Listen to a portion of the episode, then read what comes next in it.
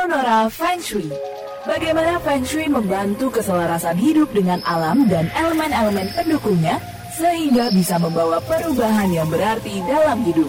Sonora Feng Shui bersama Kang Hongkian di Sonora FM 92.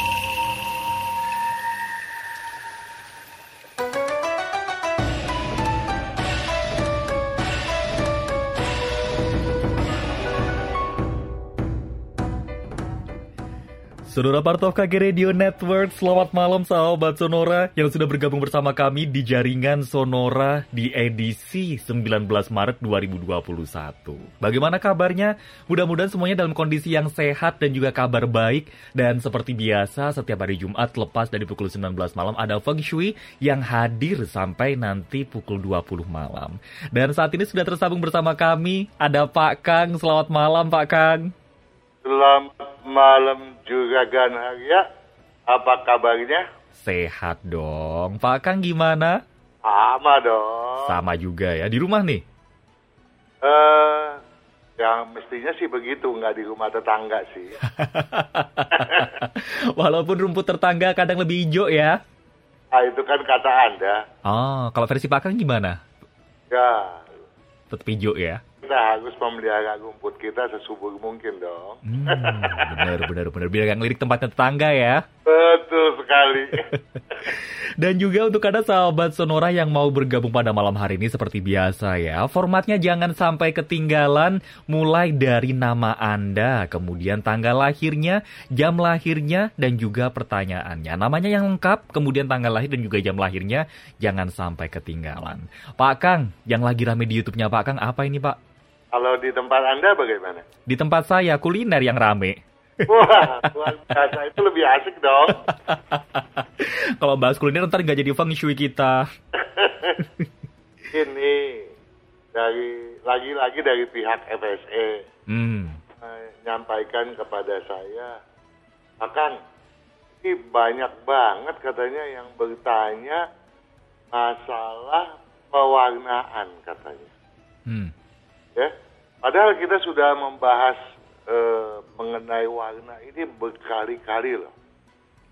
Kemudian juga putra saya Kang Singfat Hmm, ya, hmm. baik di channel FSA maupun di channelnya Kang Singfat itu ada beberapa video tuh membahas masalah pewarnaan. Hmm. Nah ini yang terakhir katanya ada di video yang terbaru nih yang kita baru upload ya masalah yang kemarin kita bahas tuh. Hmm. Kemarin kan kita membahas masalah bangkrutan ya. Masalah apa Pak Kang? Bangkrut. Ah iya iya bener-bener. Kita kan nggak mau ada eh, sahabat sonora kita yang bisa bangk ya apa yang bisa. Yang terkena kebangkrutan. Kita maunya mereka semua jaya dong ya. Setuju. Iyalah, paling nggak bagi mereka yang punya atau terkena godaan tersebut, kita berharap segera dapat menanggulanginya dengan sebaik mungkin. Amin. Nah pada video tersebut, video solusi feng shui hindari bangkrut, ada Maria Jani. Hmm. Eh, Dia bilang begini nih juga Ganaria. Pakang, pakai baju semua warna kok boleh katanya. Rupanya ngiri juga dia. Lihat saya pakainya kok enak banget. Tangga ini saya bilang, Anda harus pakai baju putih, Anda Hmm. harus pakai kuning coklat, Anda harus merah, Anda hijau, hitam, dan segala macamnya. Toh? Heeh. Oh ini pakang enak-enak banget sih. Warna warni yang dipakai kok boleh. gitu, Semuanya toh? lagi. Kenapa sih? Anda bisa bantu jawab nggak sih? Juga gananya. Enggak dong. Oh begitu sih. Kita Bingung. udah udah sering ngebahas masih nggak mau bantu saya. Aduh jangan dimusuhin nanti saya Pak Kang. Jadi begini juga kan. Hmm. Perlu dipahami. Kenapa sih saya sering kali menyarankan seseorang itu memakai eh, warna tertentu pada bajunya atau pewarnaan pada ruang kerjanya misalnya. Mm-mm, mm-mm. itu dikarenakan masalah psikologis warna pengaruhnya terhadap benang. Misalnya warna hijau, yaitu memberikan dampak positif untuk membangkitkan prinsip, Hmm. untuk membangkitkan eh, kepemimpinan. Kemudian juga mas apa warna merah membangkitkan semangat, kemampuan dan kecepatan berpikir. Oke. Kemudian warna kuning dan coklat ya memberikan dampak positif dalam bentuk kedisiplinan, misalnya tanggung jawab, ya. Dan tentu saja kalau orang yang disiplin pada umumnya juga cermat dong ya. Betul. Nah kemudian juga warna putih Hmm. adalah ambisi, ya. Ada satu tujuan ya yang berkepastian itu warna putih. Mm-mm. Nah kemudian warna hitam, biru, abu-abu, ya. Mm-mm. Ini warna warna kesejukan, perasaan, naluri. Karena walau bagaimanapun, seseorang tuh harus menggunakan kestabilan. Misalnya, kalau dia punya kestabilan dalam hal eh, berpikir dan eh, bernaluri, itu berarti kan pemakaian warna merah dan hitam harus berkestabilan pula. Oke.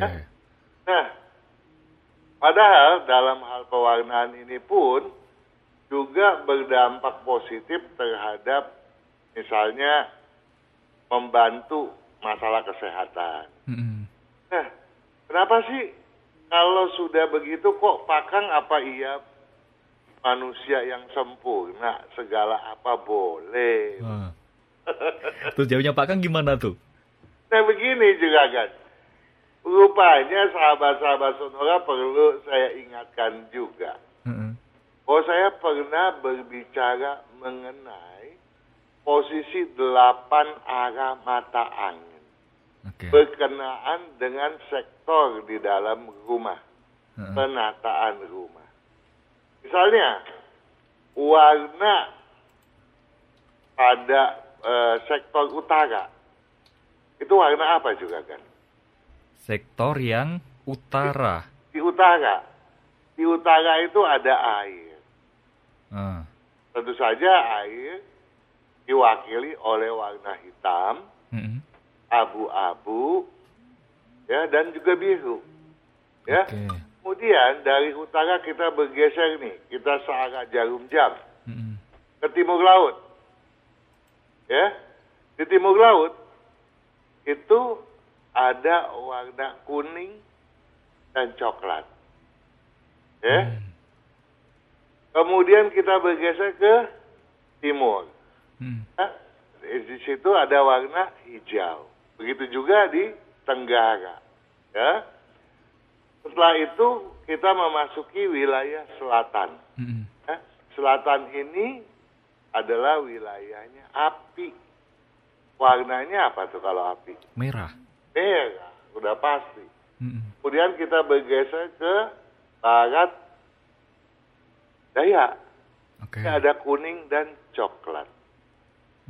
Kemudian kita bergeser lagi ke barat. Mm-mm. Barat ada warna putih, dia tempatnya ambisi di sana. Mm. Nah kemudian kita pindah ke barat laut, Mm. juga ada warna putih. Dan di titik sentral ada warna kuning dan coklat. Dia adalah posisi tanah yang bersifat yin yang. Karena perlu dipahami bahwa logam dan air adalah unsur yang bersifat yin. Sedangkan eh, kayu dan api bersifat yang. Tanah adalah keseimbangan yin yang. Nah, tadi di awal kita sudah berbicara bahwa pewarnaan tadi yaitu memberikan kontribusi terhadap eh, karakter dong. Mm. Ya, banyak sih sebetulnya karakter, kesehatan dan lain sebagainya. Paling enggak ada delapan hal seperti di video yang kemarin kita sudah sebutkan terkait juga masalah jodoh di dalamnya. Mm-mm. Nah kalau kita sudah paham tentu kita ketika menata feng shui, di mana dalam uh, posisi uta, uh, apa penataan feng shui diawali dengan pencarian posisi kedudukan rumah. Hmm. Nah, masalah posisi kedudukan rumah juga banyak ditanyakan nih juga kan. Hmm. Ya, di antaranya mengenai bagaimana sih kalau kedudukannya itu adalah di atas, bukannya di bawah. Heeh. Dalam konteks ini adalah kalau tinggal di apartemen, apa tuh yang harus dilihat? Balkonnya atau pintu masuknya? Heeh, heeh. Bahas lain kesempatan, mudah-mudahan minggu depan kita bisa bahas ya. Oke. Kan nanti waktunya habis. Tapi kita lanjutin dulu masalah yang satu ini. Nah, kita kembali nih, kita sudah tahu bahwa kalau di utara itu kan kita menanggulangi masalah bagaimana supaya karir kita bagus. Hmm. Ya, kemudian eh, ke arah kanannya bagaimana supaya keluarga, kesehatan, apa semua baik. Jadi kalau untuk yang satu ini supaya jangan berpanjang lebar, simak video-video yang terdahulu. Saya udah jelaskan semua. Oke. Nah, artinya kita kembali ke pertanyaannya misalnya dari Maria Jani tadi ya. Hmm. Kenapa sih Pak Kang boleh memakai warna-warna yang bebas gitu? Hmm. Karena saya sudah menghongsui rumah saya dengan baik. Ah, kuncinya itu berarti. Dan benar. Ya, kalau semuanya sudah tertata, Heeh.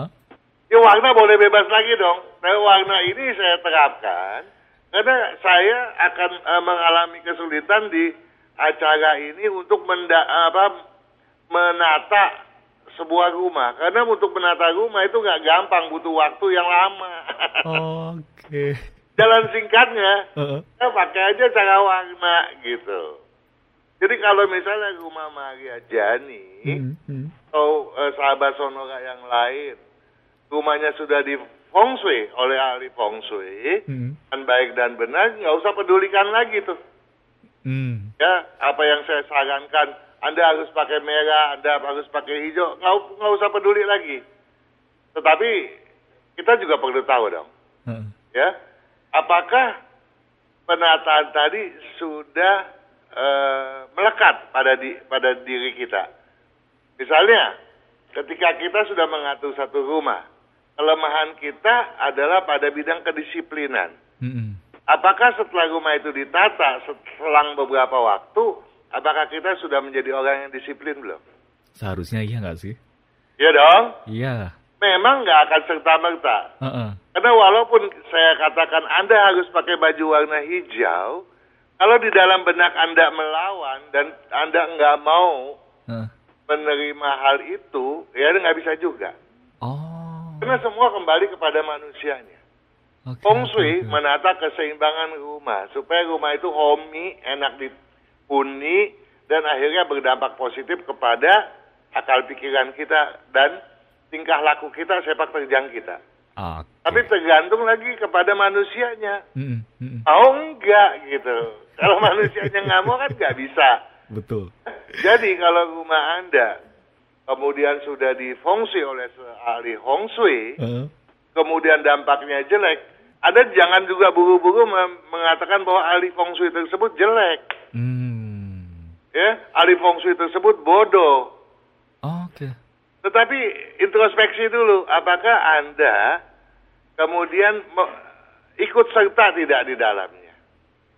Ya, Oke. kemudian misalnya Anda sudah diatur bagian sektor selatannya, ya, bagian api supaya bersemangat. Hmm. Kemudian Anda berpikir, toh ahli feng shui saya tuh sudah ngatur saya semangat. Hmm. Tiduran, ah coba gua mau tahu semangat enggak. eh, itu konyol. Itu seperti orang yang kesehatannya rusak. Dia Hmm. pergi ke dokter, Hmm. dokter mengasih vitamin-vitamin, suplemen tertentu, ya, obat-obatan tertentu. Kemudian dia bilang, coba ya, gua nggak usah makan yang cukup. Heeh. Tapi gua makan dua sendok aja deh. Eh, coba gua mau tahu gua sehat nggak sembuh. kalau kalau kemudian eh, kesehatannya eh, rontok, yang salah dirinya bukan dokter dong. Iya. Gambaran gampangnya begitu sih. Jadi ya lagi-lagi kembali ke kitanya ya Pak Kang ya. Betul. Jadi eh, bagi Maria Jani, kalau memang mengalami kesulitan untuk menggunakan warna tertentu dan mau menggunakan warna kesukaannya, Mhm. ya karena orang kan punya warna kesukaan nih juga Betul, kan. Betul. Orang yang banyak airnya Ju. ya, Hmm. tentu dia akan suka sekali melihat warna mi- hitam, Mhm. biru, abu-abu. Jadi dia tuh maunya pakai warna itu aja tiap hari. Oke.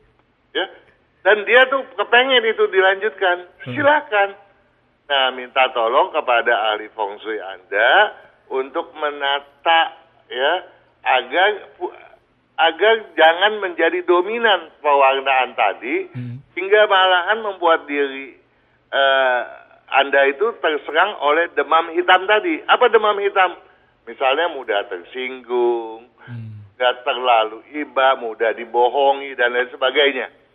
Ya, nah dengan penataan keseimbangan maka bebas dia boleh lagi pakai warna hitam toh Iya. udah diseimbangkan di rumah gitu. Karena da- dalam proses tertentu rumah dan manusia akan berkes, berkemelekatan energinya satu dengan yang lain. Jadi semuanya memang kembali kepada energi. Anda kurang makan, Mhm. mau makan suplemen, otot Anda nggak bekerja dengan baik. Ya, kalau otot nggak bekerja dengan baik, apa yang Anda makan itu juga nggak ada arti kali ya. Oke. By the way Pak Kang, kita kalau mau berikan nanggung nih, kita langsung buka yang pertama aja kali ya.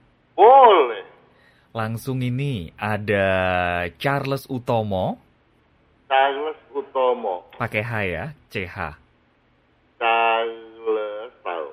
Ya, Utomonya pakai H juga. Enggak, Utomo normal. Oh, Utomo normal. Jadi kalau ada orang yang pakai Utomo, pakai H nggak normal. Jangan nambahin deh Pak Kang. Itu dong Anda. Ini tanggal lahirnya 23 Desember 23 bulan 12 tahun 74 tahun 74 pukul 15 lewat 30. pukul 15 Lewat 30. lewat 30. Kemudian istrinya Natali Liadi. Natali pakai E di belakang. Betul, Natali Liadi. Natali apa? Natali Liadi. Diadi pakai Y, Hmm, pakai I. pakai I. Mm-mm. Oke. 13 Oktober 79. 13 Oktober 1979 Pukul 9 lewat 30 pagi. pukul 9 lewat 30 pagi. 30 pagi. Kalau arah rumah tinggal yang cocok gimana Pak Kang? Sekarang ini tinggalnya di ruko, hadapnya timur. Oke. Cocok banget berarti ya? Cocok. Oke. Kalau untuk usaha yang cocok, ini unsurnya apa Pak Kang? Sekarang usahanya AC mobil. AC mobil. Hmm, AC mobil dia eh, jual hardware atau eh, jasa itu dia. Atau reparasi. kepada jasanya gitu Hmm. ya. Nggak di-explain sih Pak, cuma usaha sekarang AC mobil gitu. Iya. Kalau di AC-nya, Hmm, kalau Natali ikut campur, tentu dampak eh, positifnya lebih baik, lebih banyak begitu. hmm. Itu Ya. saja? Ya? Itu saja? Iya. Oke. Tapi berarti kuncinya itu ya, memang harus ada peran lebih dari si Natali gitu. Main di hardware-nya, jual perangkatnya, Hmm, hmm. itu yang cocok istrinya gitu ya, Natali. Tetapi kalau eh, jasanya, eh, istrinya nggak cocok. Nah, Hmm. teruslah yang cocok untuk menangani itu gitu ya. Oke. Lanjut ke yang selanjutnya. Ya, Ada Andi.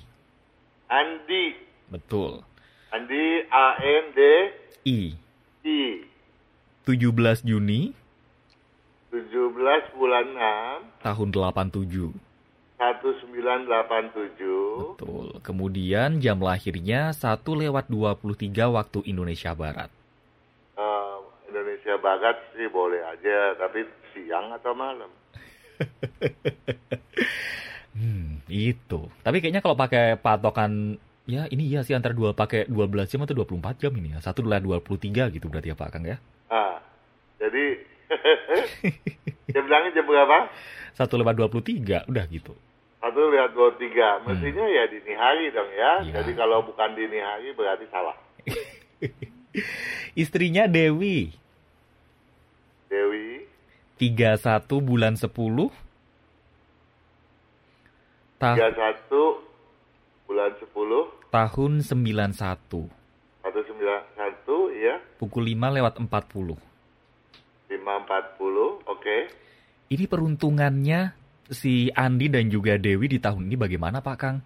kalau itu jawabannya lihat di buku berapa Wah. nilai keberuntungannya ya kelinci memang lagi bagus Ha-ha.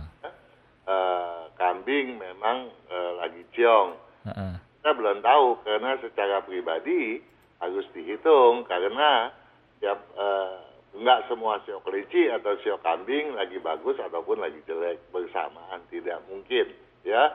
Banyak yang berbeda-beda. Silakan dihitung jumlah nilai keberuntungannya. Nah, makanya order bukunya Pak Kang ya. ya silakan di, dihitung gitu ya. Ada di sana taganya. Jadi Andi perlu tahu bahwa kalau mau menghitung berdasarkan Imlek Andi itu lahir ber- eh, tanggal 22 bulan 5 tahun 2538 Mhm. sedangkan Dewi tanggal 24 bulan 9 tahun 2542 Oke. Kita ke selanjutnya. oke Raditya. siapa Raditya. Adi atau Gadi Radi. Raditya Betul. pakai Y ya Ah, Yangke. Oke 9 April 63. 9 bulan 4 tahun 63 Sekitar pukul 6 sampai 7 pagi, Pak Kang. hmm. Ini unsur yang cocok apa? Ini mau usaha pengecatan mobil dan juga jual beli. Ini cocok nggak kira-kira Pak Kang? Eh, bagaimana? Eh, unsur yang cocok apa? Kemudian kalau untuk usahanya, usahanya ini mau mau baru mau sih baru mau usaha pengecatan mobil dan juga jual beli. Ini apakah cocok? Jual beli cat mobil mungkin ya? Eh, kalau jual beli cat mobil cocok, Hmm. pengecetan juga eh, cocok. Dua-duanya cocok. Cocok. Hmm, unsurnya berarti gimana nih? Baik Nah, ya? Yang ditanya unsurnya apa dong? Maksudnya? Ya, unsurnya Raditya dong. Apakah komposisi keunsuran lahir atau bisnis? Kalau Hmm. bisnis yang paling cocok dia kalau eh, eh, berkonsentrasi ke bidang berunsur air dominan. Oke. Iya. Terus kalau rumahnya hadap utara cocok nggak Pak Kang? Oke. Aman ya. Aman. Kemudian ini ada istrinya. Nah, Aman bukan saya yang punya urusan loh ya. Tapi ya aman gitu ya. Apa? Aman gitu ya, tetap aman titik gitu ya. Kalau uh, feng shui-nya oke, aman, bagus. Hmm. Tapi kalau keamanan mesti tanya Papa Hansip dong ya. Oke. Nanti kalau Pak Kang yang ngurusin keamanan beda lagi. ini istrinya namanya Ani, Pak Kang. Istrinya namanya Ani. 4 September 86 Ani double N. mm, 1 ANI. Oke, tanggal berapa? 4 September 86 4 bulan 9 tahun 86. pukul 24. 86 ya. Betul. Pukul 24. Mau buka bakmi ayam. Cocok nggak nih Pak Kang? Jadi pukul 00 dong ya. Oh iya, ya betul. Dua. Oh, ayam nggak cocok. Kedua-duanya makan apa pun enak. Jadi kalau dia masak, Mm-mm. dia bisa berantem sama orang. Dia selalu bilangnya masakan dia enak kok. Dia ny- nyicipin masakan siapa juga enak kok. Aduh, untung saya nggak pinter masak. ya, apalagi kalau Ani, Ani itu hobinya asin. Ya, Hmm. Jadi asin sekalipun dia bilang ini nggak asin. Dia bilang. Oh gitu. Iya, jadi jangan ke bakmi. Ya. Nah, kalau mau bisnis Raditya, tadi kan sudah dikasih tahu untuk air dominan, toh? Heeh. Oh, eh, istrinya cocoknya di bidang berunsur logam dominan atau campuran antara uh, api dengan logam. Kalau soal kesehatan gimana nih Pak Kang antara Raditya dan juga Ani? Yang penting Raditya hindari uh, makan daging ya. Mm-hmm. Ada uh, dasarnya dia pemakan daging tuh ya, kurang suka dengan makanan yang apa sayur mayur gitu ya. Itu harus lebih diutamakan. Jaga kesehatan karena dia gampang masuk angin dan jaga juga tulangnya. Hmm. Kalau uh, Ani tentunya paling nomor satu jangan telat makan okay. ya. Uh, jaga lambung mahnya dan juga hindari dong uh, sukanya terhadap asin. Hmm. Oke. Pak Kang kita break dulu, nanti kita sambung di sesi berikutnya. Oke. Okay. Tetap bersama kami ya sahabat Sonora di Feng Shui edisi 19 Maret 2021 dan juga silahkan buat Anda yang udah gabung, yang nungguin kok belum dibaca-bacain ini antri dulu ya sahabat Sonora. Yang join malam hari ini banyak sekali, tapi yang belum ini silahkan bisa langsung dikirimkan aja ya di 0812 112 9200 dengan formatnya nama, kemudian tanggal lahir, jam lahir dan juga pertanyaan. Di edisi malam hari ini saya buka satu untuk on air. Jadi nanti silahkan bisa langsung diketik dengan keterangan dalam kurung on air. Ditunggu nanti bisa langsung dihubung, uh, bisa langsung menyertakan nomor HP-nya ya. Tetap bersama kami di Feng Shui sampai nanti pukul 20 malam.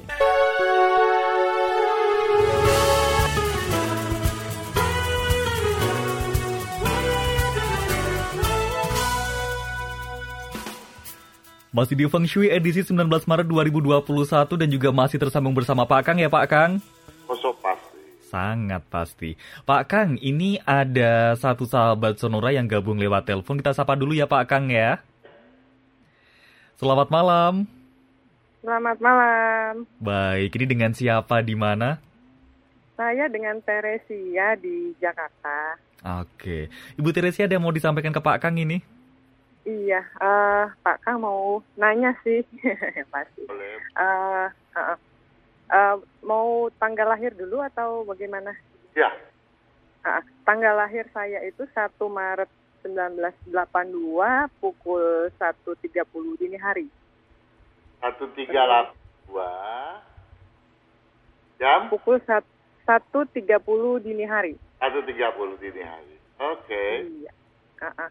Mau nanya karir sama usaha sih Pak Kang. Yang pertama sama jodoh. uh, ya, tapi uh, sio anjing kan lagi ciong ya. Lagi ciong ya. Iya, jadi tidak boleh mulai di tahun kerbau logam ini. Kadang tahu dulu untuk memulainya, boleh-boleh saja. Kenapa? Karena memang Teresia ini cocok untuk berbisnis loh ya. Cocok Jadi, untuk berbisnis. Iya, sangat untuk menjadi pebisnis itu sudah terbuka ya. Jadi nggak perlu kita set up lagi ya. Uh, oh. Namun uh, yang yang menjadi ganjalannya kita harus buang dulu dong ya. Apa tuh ganjalannya? Asia tuh gampang percaya orang loh ya. iya sih, kelemahan saya itu Pak. Iya. Kalau lihat orang nangis, ikut nangis juga lagi. Betul. Kalau barangnya diminta, jantung pun dicopotin loh dikasihin. Betul. Iya, itu kita boleh jadi orang yang baik, bijaksana, itu bagus banget kok. Tapi kalau keterlaluan, eh, beda dong ya. iya, iya, iya. iya. Ya. Jadi kita harus menggunakan logika kita dong. Ya, sering kali Ika sama perasaan Teresia itu mencapakan logika loh. Ya? Iya, betul. Iya, jadi untuk lain kali tolong selama ini kan Teresia ini selalu maunya pakaiannya yang gelap aja gitu. Betul. Ya, tolong lain kali pakai yang cerah deh, putih sama merah deh. Ya. Putih yang, sama merah. Iya, yang put, yang warna hitam, biru, abu-abu. Eh, tolong masuk gudangnya. Oh, itu satu lemari itu Pak Kang. Pasti. eh, saya bilang ke gudang aja gitu. Oh, baik, baik. uh, uh, ya? Kalau untuk bisnis, eh, kira-kira apa Pak Kang? Apa? kalau untuk bisnis sendiri kira-kira uh, bidangnya apa tuh Pak? Kalau sekarang kan saya jadi produser di salah satu production house. Cocok. Saya pegang. Oh cocok. Cocok ya. Nah tetapi itu cocok yang kedua. Yang pertama itu di bidang berunsur api dan air atau campuran daripada keduanya. Banyak pilihannya. Teresia bisa lihat di buku ya. Ya. Ah, dan satu lagi saya mau minta tolong, boleh nggak? Boleh Pak Kang, apa tuh? Uh, kalau berkaitan dengan bisnis, ya Teresia tuh jangan gampang lamun ya. Kadang-kadang lamunannya dalam, terus ke bawah ke alam magis lagi. Hmm. Oh iya, iya betul. Iya, karena memang Teresia, Iya, Teresia itu memang indigo loh ya.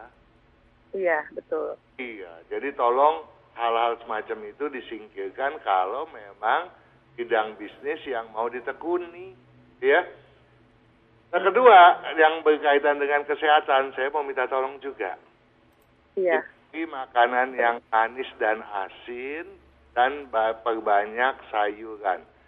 Teresia itu kalau manis sama asin, uh, udah gila-gilanya bukan main. Tapi manis saya nggak terlalu malah Pak Kang ya. Uh, saya kopi aja, kopi hitam yang nggak pakai gula. Iya, itu kan karena mungkin belakangan dengerin orang ya. Tapi kalau eh, yang namanya manis juga karbo juga harus dikurangi ya. Oh iya, iya sih, iya. Biskuit-biskuit gitu ya. Pak. Iya, itu kan bukan main Teresia itu. ya, kalau berkaitan dengan jodoh, yang penting Teresia jangan bawa terlalu bawa perasaan. Ya, karena kalau perasaan terlalu dikaitkan, orang bisa angkat kaki takut loh ya. Nah kalau berkaitan dengan jodoh sebetulnya Teresia itu tujuh tahun yang lalu harusnya sudah ada dong ya. Kenapa terbengkalai ya? Iya.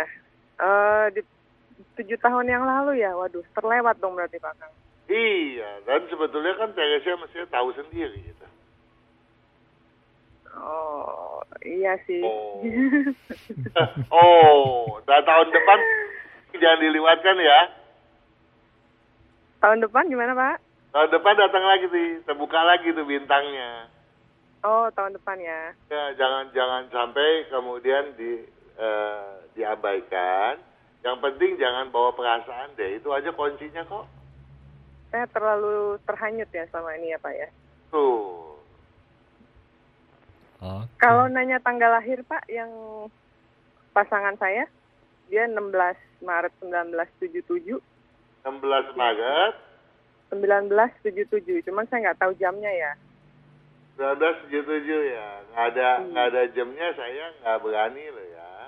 Oh, Oke. Okay. Uh, uh, jadi mesti tanya jamnya. Uh, cuma satu hal yang kelihatan di sini. Uh, secara garis besar ya namanya juga nggak ada toh.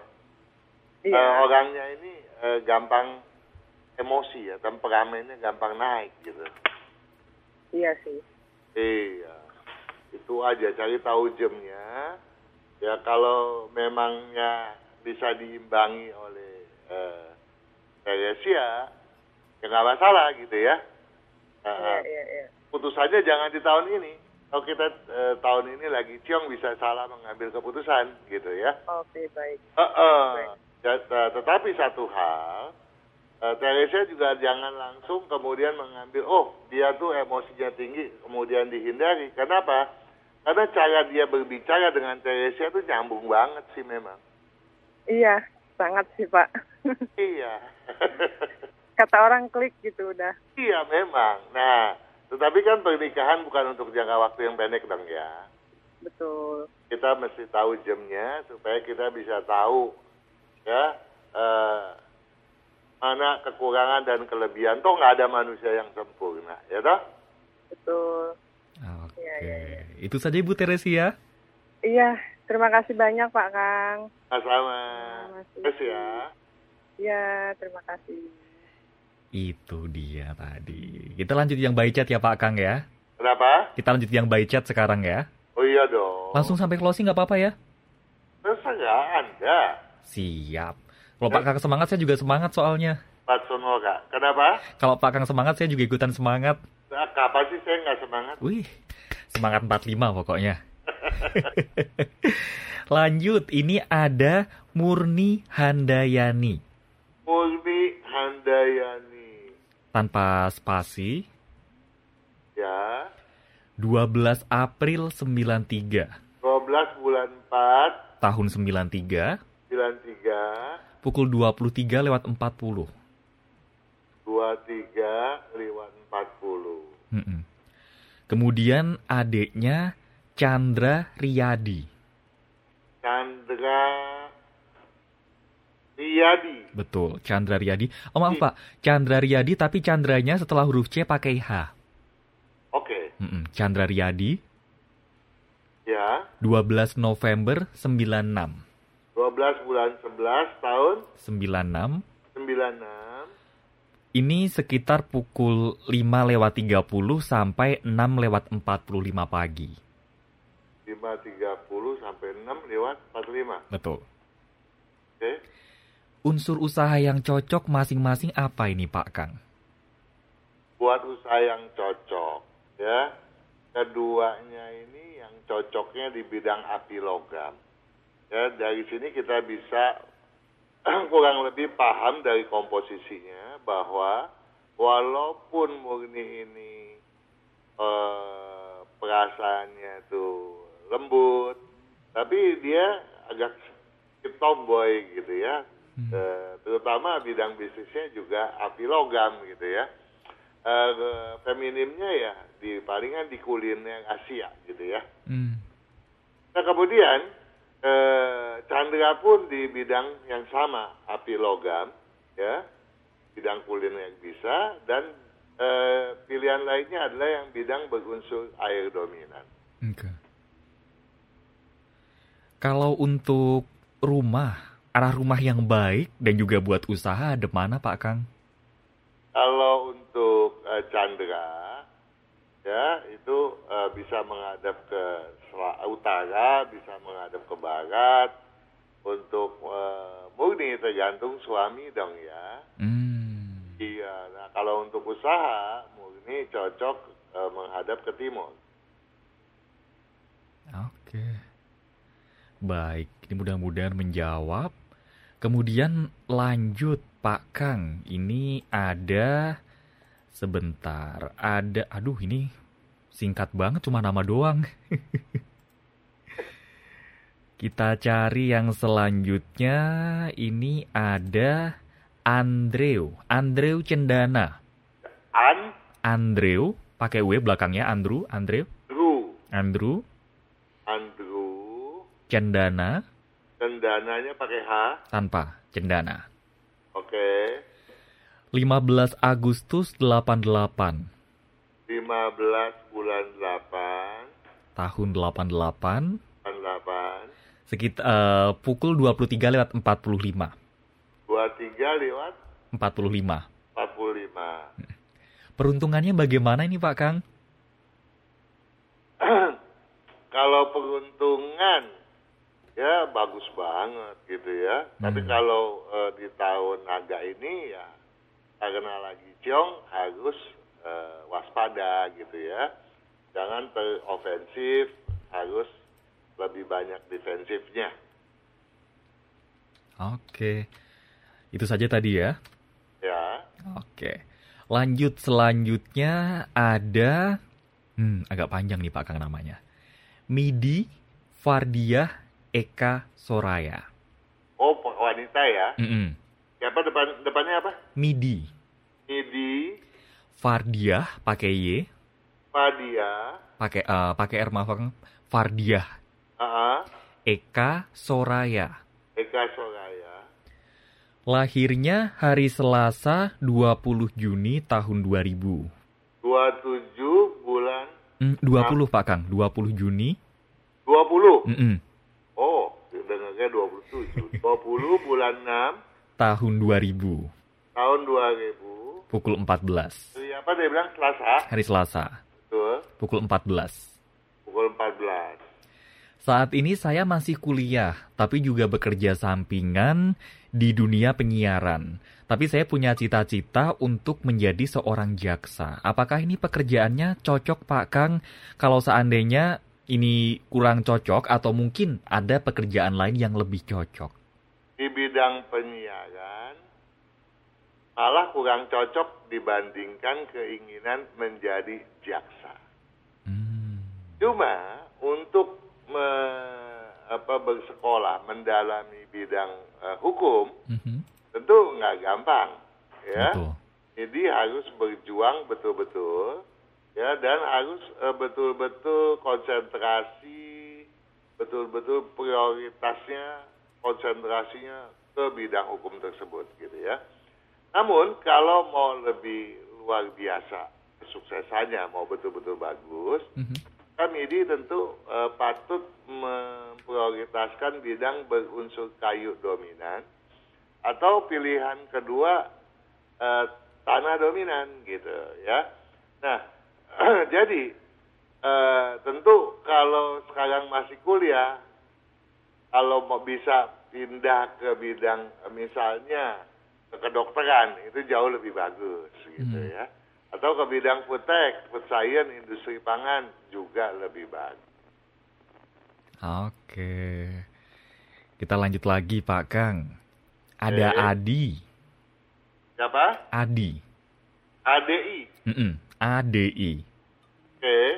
27 Maret 27 bulan 3 tahun 70 tahun 70 pukul 4 pagi 27 Maret tahun 70 pukul 4 pagi. Mm -mm. Okay. Soal kesehatan dan juga pekerjaan yang cocok, Pak Kang. Kesehatan dan? Pekerjaan yang cocok. Yang cocok. Kesehatannya yang penting jaga jangan sampai kurang minum. Ya okay. dia kalau udah apalagi sedang beraktivitas males minum, gitu ya. Padahal dia orangnya uh, bukannya orang yang uh, pemalas gitu ya. Jadi uh, tentu saja butuh energi yang cukup ya. Jadi air juga nggak boleh kurang gitu ya. Mm-hmm. Dan juga jangan telat makan gitu. Lambungnya juga kurang bagus. Dan karena dia tuh hobinya asam dan pedas, tolong dikurangi deh. Karena uh, perutnya itu nggak tahan untuk kedua hal itu gitu. Ya. Kemudian uh, bidang bisnisnya ya. Hmm, betul. Bidang bisnis. Pekerjaan dan juga bisnis. Hmm, dia uh, cocok sekali untuk berbisnis. Kalau kerja pada orang lain justru kurang cocok. Oh. Nah, kalau bukan langsung pada bos, dia gampang ribut dengan atasan. Okay. Dia gampang tidak berkesesuaian. Patut ekstra sabar gitu ya. Jadi, tetapi karena uh, Adi ini sedang ciong, ciong anjing dah. Mm -hmm jadi kalau bisa, kalau sekarang ini sedang bekerja, kalau mau bisnis ya tunggu tahun depan. Tahun depan adalah saat yang paling bagus buat Adi ya. Dan kemajuannya tentu akan cepat kalau dia uh, betul-betul konsentrasi ke bidang berunsur kayu dominan, tanah dominan. Atau campuran kayu dengan tanah, atau uh, pilihan terakhir campuran tanah dengan air, atau air dominan, tetapi air dominan tidak terlampau saya sarankan karena lambat sekali perkembangannya begitu. Oke. Kalau rumah yang cocok, Pak Kang, hadap mana? Uh, bisa ngadep ke selatan, bisa ngadep ke barat, begitu ya. Hmm. Oke. Ini yang terakhir ya Pak Kang ya. Oke. Rudi RUDI saja. RUDI saja. Mm -mm, tanpa saja Pak Kang. Apa? tanpa saja, Rudi, Rudi. Ntar ditulis. Rudi 30 Juni 30 bulan 6 Tahun 82 Tahun 82 Pukul 19 malam 19 malam Usaha sekarang buka toko handphone dan juga dijual di online ini gimana Pak Kang? Di bidang handphone cocok. Hmm. Cocok. Cocok mau buka toko, mau online, oke okay, Kak. Oke. Dan ini rumahnya menghadap utara, tokonya menghadap tenggara. Ini dindingnya, dindingnya warna hijau semua udah tiga tahun lebih. Gimana ini Pak Kang? Bagus dong. Bagus ya? ya? Uh, uh, posisi rumahnya oke, itu juga oke. Yang penting jangan uh, jelek adat, jangan keras kepala maksudnya. Hmm. Ya, dan buang rasa dendam. Itu kunci buat kemajuannya. Kalau kamar tidur utama ranjangnya bersandar dinding kamar mandi masalah nggak nih Pak Kang? Nggak ada masalah sepanjang posisinya benar. Oke. Baik, ini mudah-mudahan menjawab dan juga mudah-mudahan menjawab semua yang disampaikan ke sahabat Sonora. Tapi kita pamitan dulu Pak Kang malam hari ini. Oke deh. Kita ketemu lagi minggu depan ya. Pasti yang penting sahabat Sonora pertanyaannya terjawab hmm. dan dapat memetik manfaat dari apa yang kita bicarakan karena kesuksesan sahabat Sonora adalah kebahagiaan kita semua. Cakep. Terima kasih banyak Pak Kang. Selamat malam. Gagal lagi ya. Salam buat uh, kru di sana semua, sahabat-sahabat di yang lagi bertugas. Siap dan juga kepada sahabat Sonora di belahan bumi mana pun. Selamat malam. Selamat malam. Kita ketemu lagi minggu depan ya sahabat Sonora. Saatnya saya Haria dan juga Pak Kang pamit dulu. Semoga malam Anda menyenangkan, selamat beraktivitas dan kita ketemu lagi di lain kesempatan. Bye-bye.